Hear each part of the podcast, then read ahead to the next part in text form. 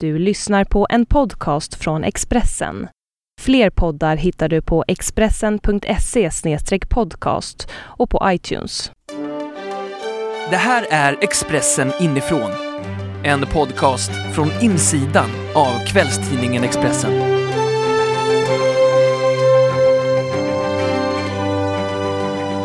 Hon är från Borås. Hon är en profilerad reporter och krönikör på Expressen med rätt att tycka. Hon gjorde sig snabbt ett namn som nöjesreporter i början av karriären och har skrivit om allt ifrån konståkning till hedersmord. Hennes bok Lucia i svart blev filmen Tjenare kungen och hon tog emot Mentors stora journaliststipendium av drottning Silvia. Numera är hon krönikör och kolumnist och med sin penna analyserar hon nyhetsflödet. Hon förenklar det svåra och hon komplicerar det lätta.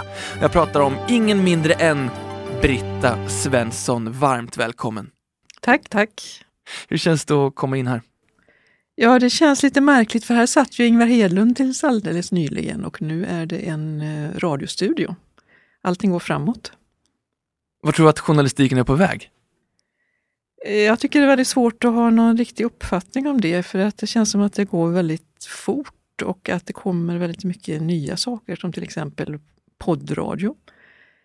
Eh, men i grunden är det väl ändå samma sak att man behöver som journalist ta reda på saker som ingen annan vet och det kan vara ganska komplicerat. Så jag tror inte man kommer ifrån det. Jag tror att själva journalistyrket, om man, om man säger för en enskild journalist, hur kommer det förändras?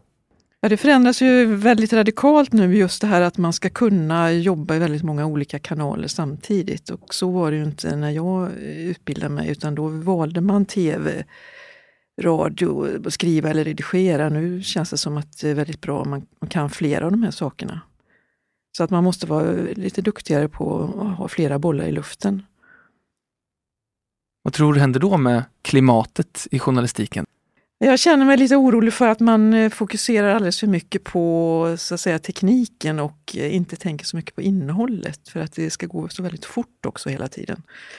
Man behöver i alla fall ha några som tänker efter och kanske gräver lite djupare. Du sticker ner fingret i hetluften och tycker till och tänker väldigt mycket.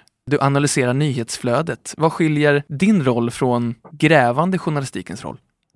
Ja, jag håller inte på så väldigt mycket med att eh, intervjua och eh, fråga och ta mig fram på det sättet. Eh, min roll handlar mycket om att eh, vara på en plats och eh, analysera och ta in det som pågår där. Jag tänker på det senaste jag gjorde som var um, prinsessan Lilians lideparad och sen hennes begravning. Då handlar det inte om att jag ska eh, intervjua eller på något sätt eh, ta reda på så mycket nytt kring det här utan det är mer att ta in det som händer och eh, formulera mig kring det. Och Det är ju en viss eh, sorts eh, teknik och kunskap. Hur, hur får man fram åsikter? Eh, jag tycker inte att det handlar så mycket om åsikter egentligen, eh, som ser ledarsidan håller på med, utan mm, det handlar mer om att kunna formulera vad det här handlar om kanske lite mer eftertänksamt. Jag har aldrig i hela mitt liv varit på en Leaderparad så jag var väldigt intresserad av att gå på den och se hur det var där. Och när man kommer in där så inser man att det här har jag aldrig varit med om. Jag kommer kanske aldrig vara med om det igen. Och som tur väl var kunde man sätta sig där på bänkarna i Slottskyrkan, vilket jag från början trodde att man inte kunde. Så jag kunde vara där en och en halv timme och se hur allting försiggick där inne. Det var jätteintressant. Så då känner jag mer, inte att jag ska tycka någonting väldigt radikalt om kungahuset eller prinsessan Lilian, utan mer bara beskriva vad som pågår där och då inte ha en massa förutfattade meningar utan vara ganska öppen för vad som händer där inne, i det här rummet. Händer det någon gång att du, att du kommer någonstans med en förutfattad mening och sen så spricker din tes? Ja, det händer ju hela tiden. Så man får ju, jag brukar ofta tänka så här att nu ska jag eh, se om det finns någonting annat att få ut av det här än vad alla har skrivit tidigare. Så att jag liksom är, min teknik går ut väldigt mycket på att hitta det oväntade och kanske det som inte någon har tänkt på innan. Men ibland blir man ju själv ändå eh, överraskad och får utmana sina fördomar, absolut. Du är en av de här på Expressen som har ett eget rum. Ja, jag fick kämpa för det där rummet ska jag säga. Jag är eh, ganska lättstörd och tycker om att ha lite lugn och ro när jag skriver och ringer och sådär. Så förut satt jag i landskapet som eh, alla andra men sen hamnar man i vissa lägen där man kan eh, förhandla om saker och då gäller det ju att ha, verkligen veta vad man vill, så att säga, annars kan man aldrig vinna någonting i en förhandling. Och då plötsligt kastade jag fram det att jag ville ha ett eget rum och det var, gick faktiskt mycket lättare än man kunde tro. Och nu är det bara jag och Cecilia Hagen som har rummen kvar efter att Ingvar Hedlund har slutat. Saknar du inte redaktionsmiljön någonting? Absolut inte. Jag är väldigt trött på redaktionsmiljön efter eh, 28 år på Expressen. Jag, jag trivs väldigt bra i mitt rum. Skulle du säga att du är en ensamvarg?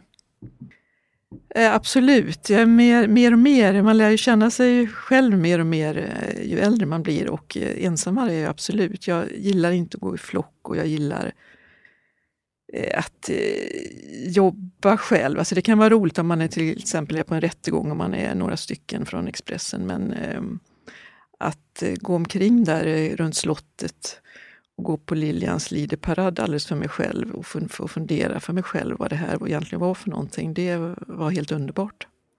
Ta oss tillbaks till dina första år som journalist. Vem var du då?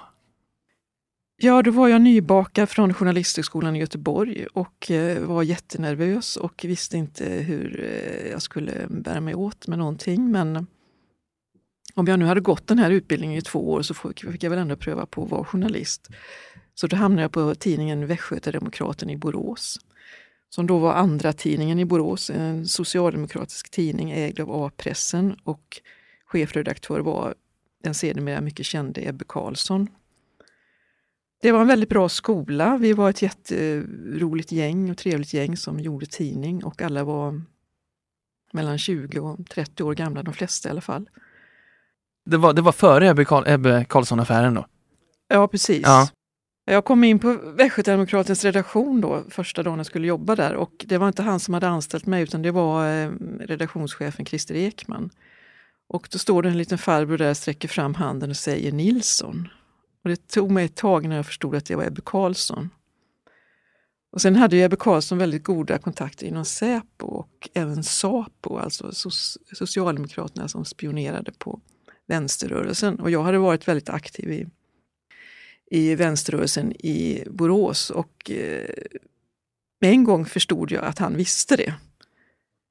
Det var ju några år tillbaka i tiden men han eh, la fram att han visste det. Vilket då innebär att Säpo även spionerade på 17-åriga gymnasieelever. Så det var ju intressant. Jag har tänkt på det senare, att eh, vad märkligt det är, för det har ju rullats upp mer och mer hur mycket mm, Säpo verkligen spionerade och Sapo verkligen spionerade på vänstern på den tiden. För jag uppfattade ju oss då så att säga som väldigt amatörmässiga. Vi hotade inte samhället på något sätt men eh, samhället tyckte annorlunda. Du var på Stockholmstidningen också? Ja, alltså jag kanske kände då att det var roligt att vara nyhetsreporter men det var inte min grej och det är väldigt viktigt att man hittar sin grej efter ett tag för att det är det som man är riktigt bra på som man ska satsa på. Och jag kände att jag ville skriva mer personligt och eh, min ingång i det var då att jag startade en musiksida på Västgötademokraten. Och då kunde jag skriva mer på ett personligt och roligt sätt och det, själva den grejen ledde till att jag sen eh, kunde sluta på Västgötademokraten och börja som frilans inom helt och hållet den branschen. Så jag skrev och jobbade några år i Göteborg som eh, musikskribent för radion och för olika medier. Och det var det som ledde till att eh, Stockholmstidningen ringde då och ville att jag skulle börja på deras nöjesredaktion. 1983 var det. Och efter ett och ett halvt år så gick Stockholmstidningen i konkurs med buller och bång.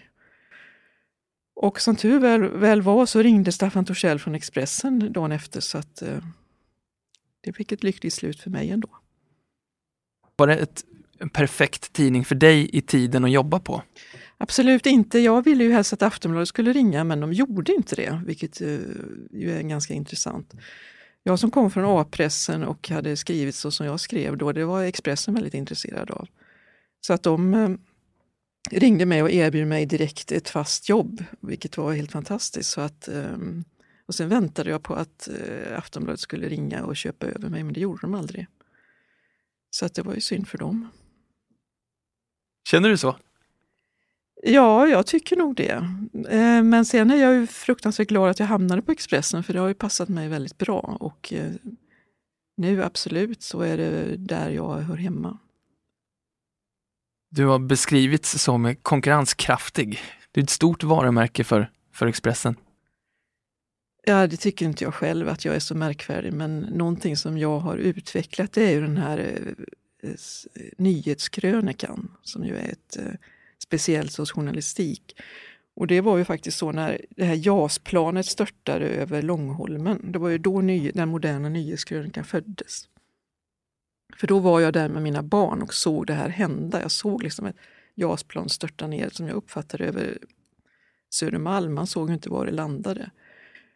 Och då rusade jag till redaktionen och så sa, vi, sa de att jag skulle skriva om det här. Och då var det först någon chef som sa att du kan inte skriva personligt, det blir jättefånigt. Och sen blev det natt.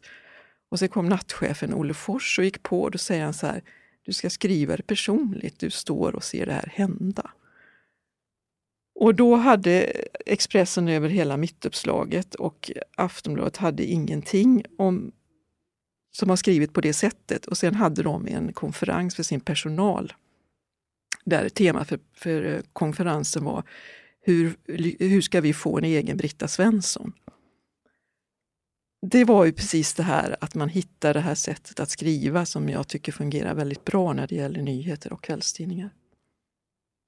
Du startade genren, om man ska säga så, nyhetskrönikor. Jag anser att jag och Olle Fors skapade genren nyhetskrönikor, absolut. För det, det handlar inte om att man egentligen ska skriva någonting personligt på det sättet, utan det är att man ska tolka en nyhet på ett personligt sätt. Och det är väldigt speciellt, inte så många som förstår riktigt hur det ska gå till. Men det finns ju några väldigt duktiga, inte minst på Aftonbladet, som till exempel Monica Gunne som ju är den som eh, man alltid blir nervös när man hamnar på samma jobb som. Ser du henne som konkurrent så?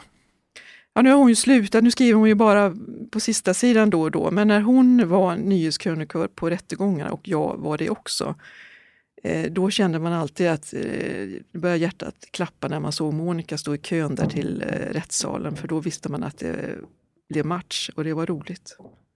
Hur påverkade det dina texter och ditt arbete? Ja, det var jätteroligt för då, då kände man att nu måste man skärpa sig. Liksom, hur kommer Monica att tänka? För ibland slog hon mig med hästlängder för då hade hon tänkt på någonting, eh, tänkt på någon vinkel eller något, någon in, något infall som hon kunde lyfta sin krönika med. Och eh, som jag inte alls hade tänkt på. Så att fast man då fick stryk varannan gång så var det ändå väldigt roligt.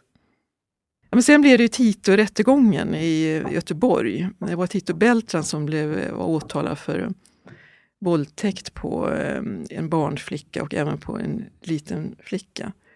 Och det var ju då som vi egentligen slog Monica eh, Gunne riktigt ordentligt. För då var det alltså Johan T Lindvall som var med från Expressen och eh, Sofia Johansson som nu är eh, nattchef som då rättsreporter.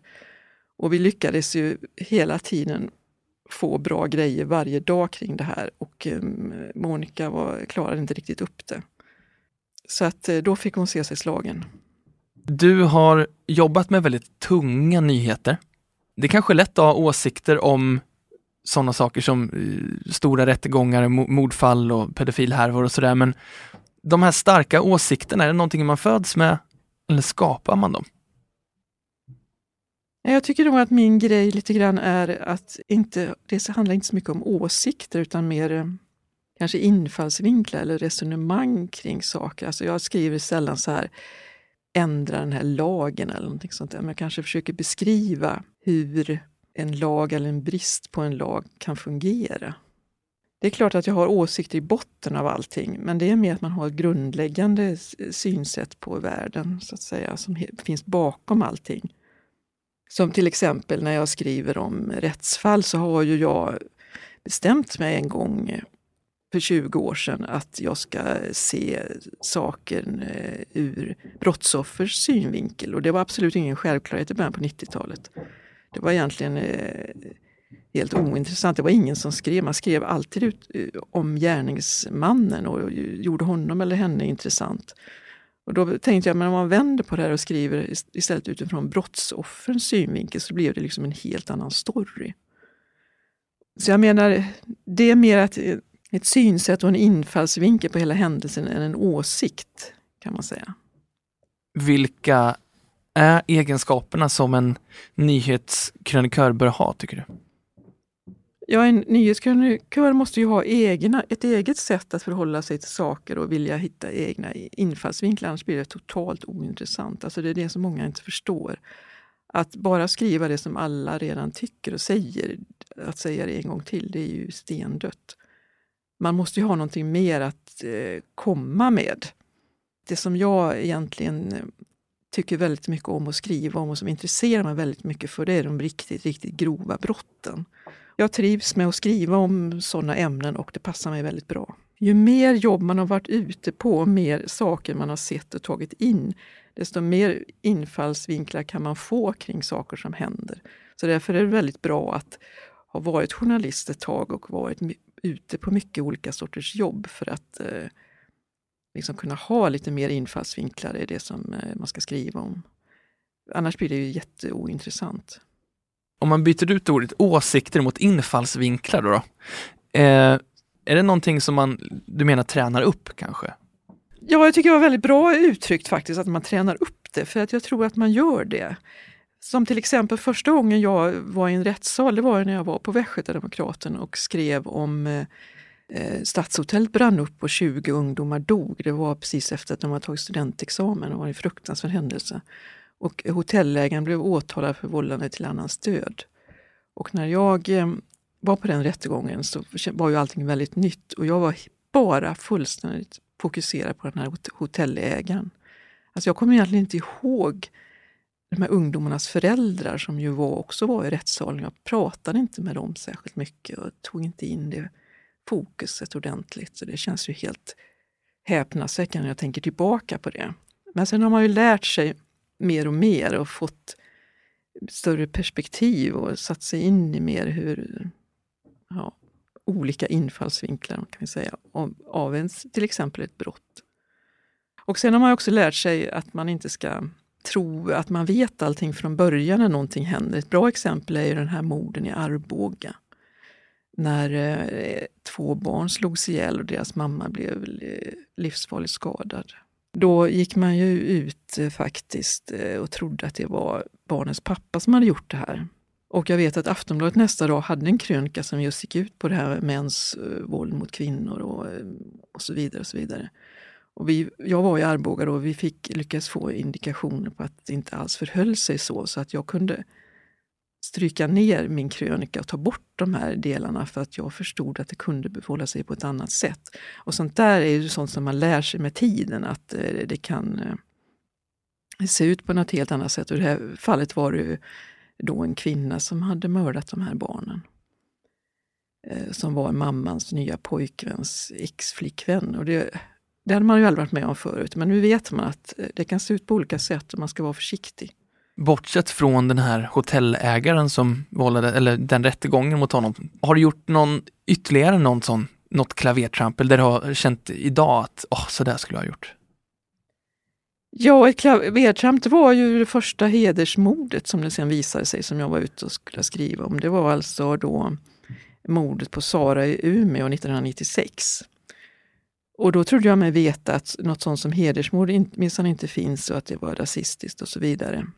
Jag pratade då med den här offrets pappa som förnekade att han var inblandad på något sätt och eh, att det finns något som heter hedersmord. Och hennes mamma försökte övertyga mig om att det var ett hedersmord. Och jag liksom blev väldigt irriterad på mig själv efteråt hur jag liksom gick in i det här med olika fördomar och inte lyssnade ordentligt på den här mamman. Och då var det alltså brodern och eh, kusinen som hade mördat den här flickan. Och de var ju bara 16-17 år.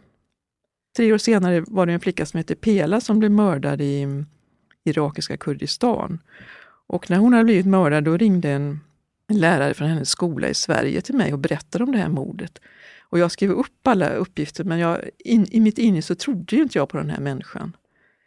Eh, så att sen gick det något halvår och, och sen plötsligt kom det någon nyhetsflash om att två män hade gripits för ett mord i Irak på en flicka i Irak. Och då plötsligt pang förstår jag att det gäller det här fallet. Som jag då hade väldigt mycket insyn i, fast jag inte riktigt hade trott på de här uppgifterna. Eh, och då vecklades verkligen hela den här historien upp därför att det hade ju skett en, en förundersökning, en polisundersökning i Irak där de hade gjort en oskuldsundersökning på, på offret, alltså offrets kvarlevor och de hade kommit fram till att hon blev mördad av sin farbror och motivet var heder. Och heder var ett förmildrande omständighet så därför fick farbrorn bara ett års villkorligt fängelse. Jag fick ju även kontakt med kvinnor i Sverige från eh, den kurdiska kulturen som kunde berätta precis kring det här. Och jag minns att jag sitter med en sån här kvinna och vi pratar och plötsligt är det som att eh, tioöringen ramlar ner. Plötsligt förstår jag att det hon säger är sant och att hon berättar någonting oerhört viktigt och att jag inte har, mina fördomar har hindrat mig från att förstå det här. Så jag skrev väldigt mycket om det, blev oerhört angripen från olika håll och satt i otaliga debatter, tv med Kurdo Baxi och med Mona Salin, där de säger liksom att det här finns inte och det är påhitt och sådär. Och jag säger visst, det finns. Så att jag blev oerhört hårt åtgången och jag hade total uppställning från Expressen då för det jag skrev. Det kändes väldigt bra, men det var ganska tufft. Sen tre år senare blev Fadime Shahindal mördad och då kan man säga att då var Expressen totalt nyhetsledande för vi hade redan djupa kunskaper kring det här och eh, hade väldigt mycket kontakt med folk som kunde de här frågorna. Då fick jag kanske lite en överdos att eh, alla samtal kring det här kopplades till mig och det var väldigt mycket kring Fadimes vänner och släktingar och även hennes pojkvän då som hade dött tidigare. Hans vänner. att eh, det kanske blev lite för mycket. Det, så att det kändes väldigt bra att skriva om lite andra saker sen några år. Fanns det en jobbig period efter det där? Ja, nej, men jag upplevde kanske att jag engagerade mig eh, så mycket och inte kunde sätta gränser på rätt sätt så att jag fick en utmattningsdepression efter eh, det. Och um, var sjukskriven ett tag. Så att uh, jag fick väl lära mig ett lite andra sätt att, att jobba men jag har ju fortsatt jobba med svåra frågor. Är det det som har varit det svåraste i ditt arbetsliv? Hantera åsikterna kring dina texter? Ja, egentligen inte. Man har ju väldigt mycket kontakt med läsarna varje dag kan man säga och eh, det är ju ros och ris hela tiden. Man får ju aldrig liksom eh, slappna av. Jag tycker nog att jag, jag vet var jag står och eh, det jag skriver har jag ofta väldigt tänkt igenom väldigt noga. Eh, så att jag mm, tar inte åt mig av eh, hat och angrepp som eh, jag anser inte berör sånt som jag är intresserad av. Som till exempel rasism som jag är helt ointresserad av. Men ibland får man ju mejl och eh, telefonsamtal från människor som har intressanta eh, invändningar mot det man har skrivit. Man kanske har missat någonting. Så att jag menar, de flesta är ju bra och det är ju intressanta människor som har saker att ge som hör av sig. Det är ju det vanligaste.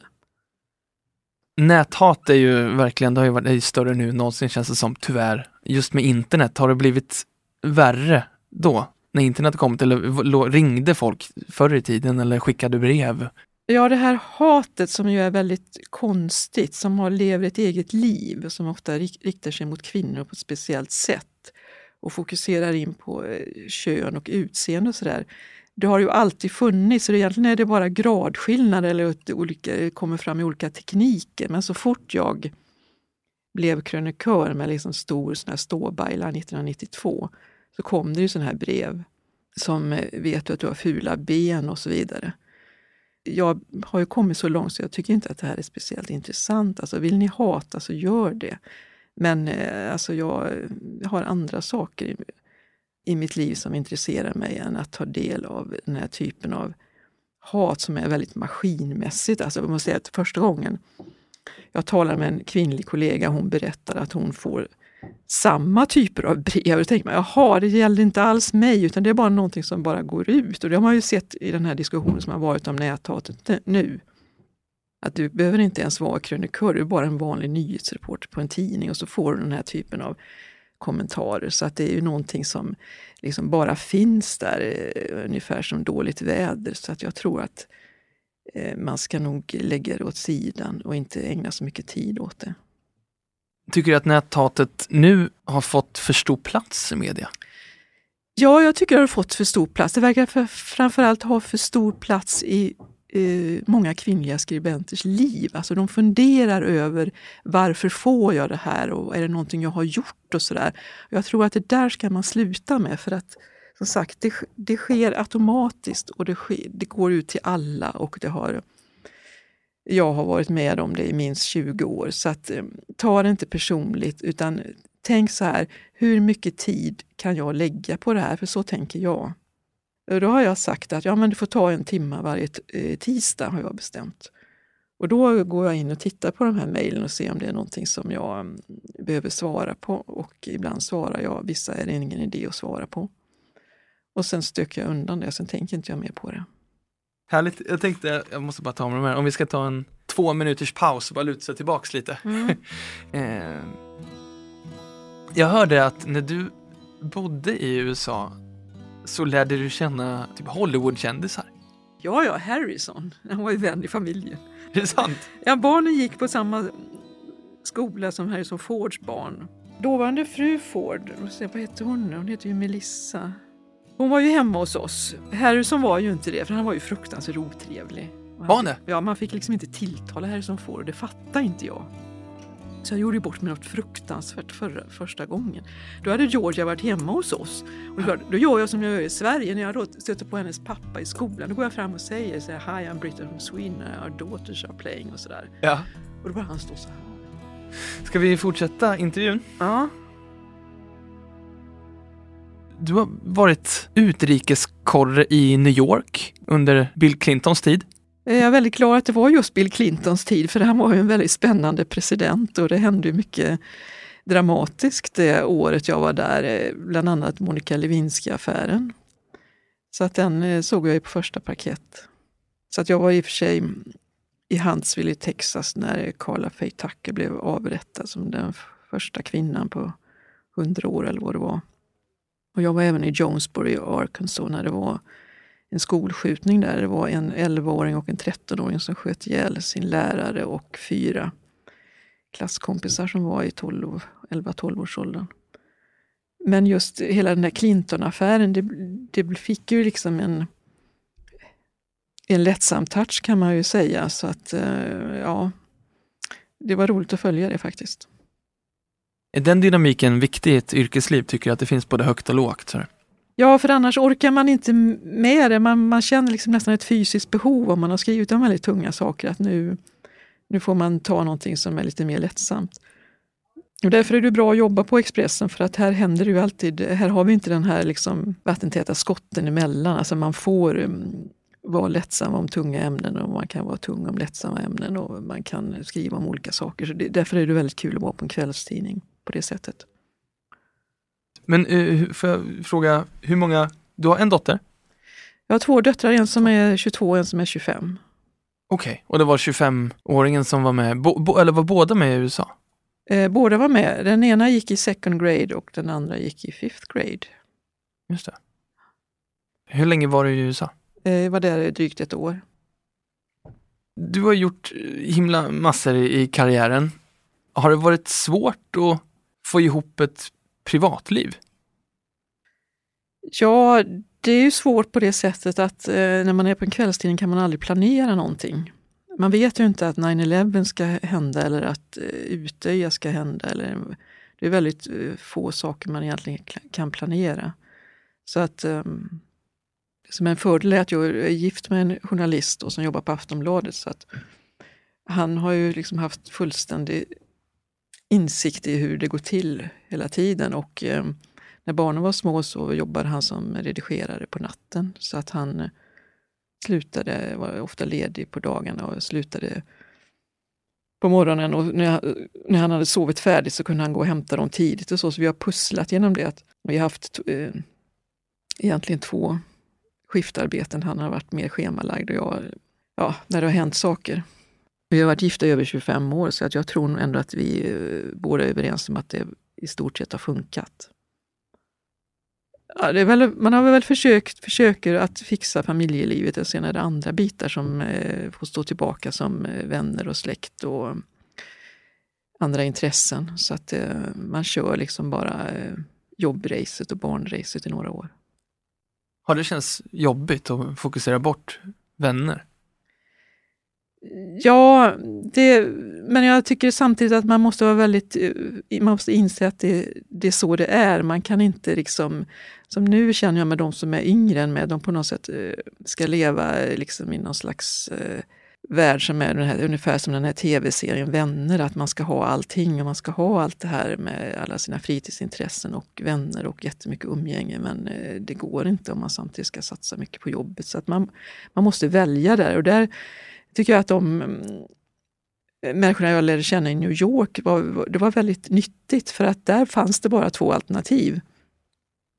Antingen jobbade kvinnan eller var hon hemmafru.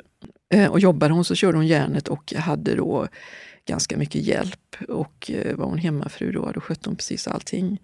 Alltså man, det här i Sverige att man tror att man ska kunna göra allting på samma gång, det funkar inte. Så att man måste välja. Ja, men jag är väldigt, jag är nog ganska nöjd med mitt val för att jag valde att eh, satsa ganska mycket på jobbet och har haft väldigt kul. Skulle du säga att du har ganska få vänner med andra ord, eller? Nej, det skulle jag inte säga. Jag har ett ganska stort umgänge och eh, kanske inte så många nära vänner, men eh, jag, jag, är nöjd med hur eh, mitt liv ser ut. Du har ju skrivit två böcker. Ja. Du har skrivit en bok som heter Lucia i svart, 2001 och en bok som heter E som i extas. Den här Lucia svart, det blev, det blev ju en film, Tjenare kungen. Lucia i svart handlar ju om eh, några tjejer som startar ett punkband. Sen eh, är det, finns väl olika teman i boken som till exempel att eh, huvudpersonens pappa kommer från ett annat land och eh, sen eh, är det det här med droger som finns i hennes omgivning väldigt mycket. Så att det handlar väl om någon slags process när hon eh, växer upp. Så filmen är ju ganska annorlunda. Sen tyckte jag att filmen blev jättebra. Handlade den om lite din egen uppväxt eller ville du också bli punkstjärna när du var liten? Ja, det var väl lite grann, jag hade ju skrivit ganska mycket om musik så jag hade väl varit i de här miljöerna. Så, så att inte så att jag ville hålla på med musik själv, men just den här huvudpersonens inre resa påminner jag om min och det har ju tagit en hel del.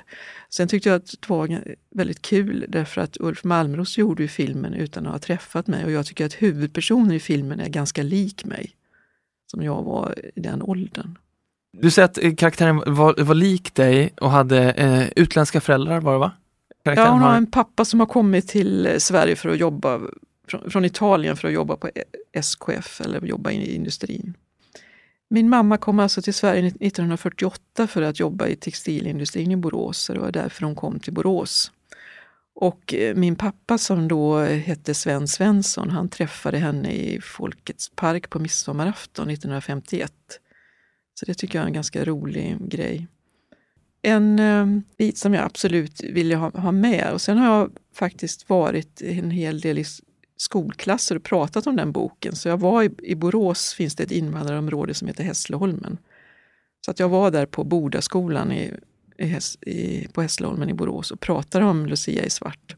Och då hade jag liksom en övning med de här niondeklassarna som jag var hos, att man skulle berätta sin historia. Så jag sa att den, den här boken skrev jag för att jag utgick från min egen historia på olika sätt. Och sen bad jag dem berätta sin, sin historia.